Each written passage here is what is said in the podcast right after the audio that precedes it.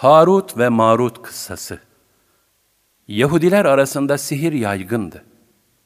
Bu yüzden Hz. Süleyman'ın büyük bir sihirbaz olduğunu, hükümdarlığı da sihirle elde ettiğini, hayvanlara ve cinlere büyüyle hükmettiğini söylerler ve buna inanırlardı.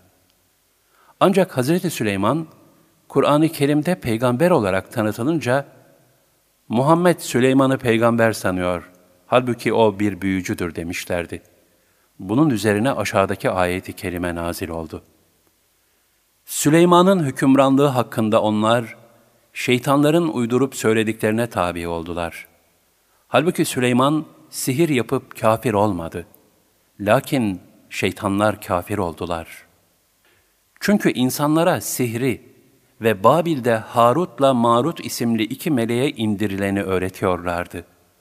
Halbuki o iki melek herkese, biz ancak imtihan için gönderildik. Sakın yanlış inanıp da kafir olmayasınız demeden, hiç kimseye sihir ilmini öğretmezlerdi. Onlar o iki melekten, karı ile kocanın arasını açacak şeyleri öğreniyorlardı. Oysa büyücüler, Allah'ın izni olmadan hiç kimseye zarar veremezler. Onlar kendilerine fayda vereni değil de zarar vereni öğrenirler. Sihri satın alanların, ona inanıp para verenlerin ahiretten nasibi olmadığını çok iyi bilmektedirler. Karşılığında kendilerini sattıkları şey ne kötüdür. Keşke bunu anlasalardı. El-Bakara 102 Müfessir Fahrettin Errazi, Harut'la Marut adlı iki meleğin yeryüzüne indiriliş sebebini şöyle açıklar. A. Bu iki meleğin yeryüzüne indirildiği esnada sihirbazlar çoğalmıştı. Bunlar sihir mevzuunda daha önce bilinmeyen şeyleri ortaya çıkardılar ve peygamberlik iddiasında bulundular. Böylece insanlara meydan okudular.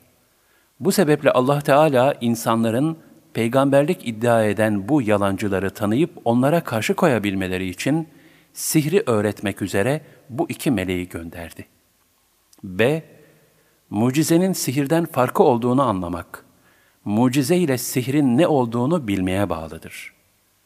Halbuki insanlar o zaman sihrin mahiyetini bilmiyorlardı.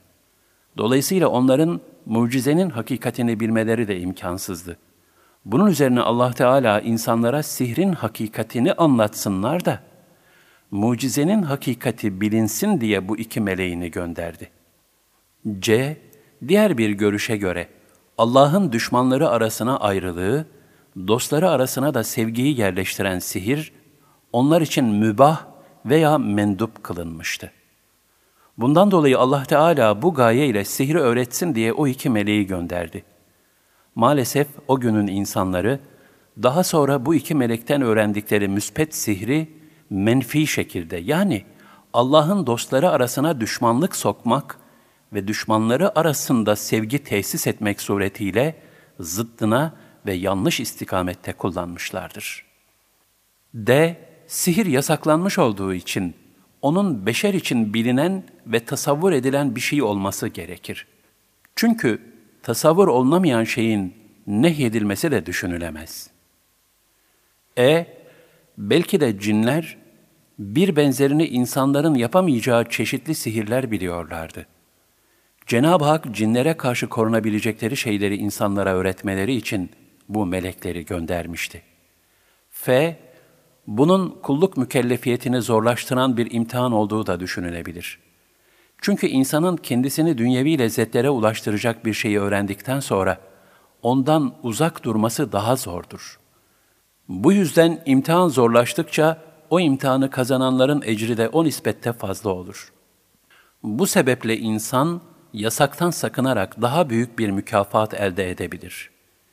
Nitekim Hak Teala Talut'un kavmini savaşa gitmekteyken sıcak bir günde nehirden su içme hususunda imtihan etmiş ve Talut emri ilahi mucibince kim o nehirden kana kana içerse benden değildir.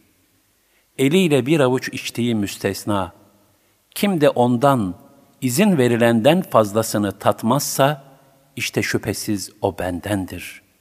El-Bakara 249 demiştir. Velhasıl bütün bu izahlardan da anlaşılacağı üzere, Allah Teala'nın o melekleri sihri öğretmek üzere indirmesinde pek çok hikmetler bulunmaktadır. Şüphesiz ki Allah Teala her işinde hikmet sahibidir ve her şeyi en iyi bilendir.''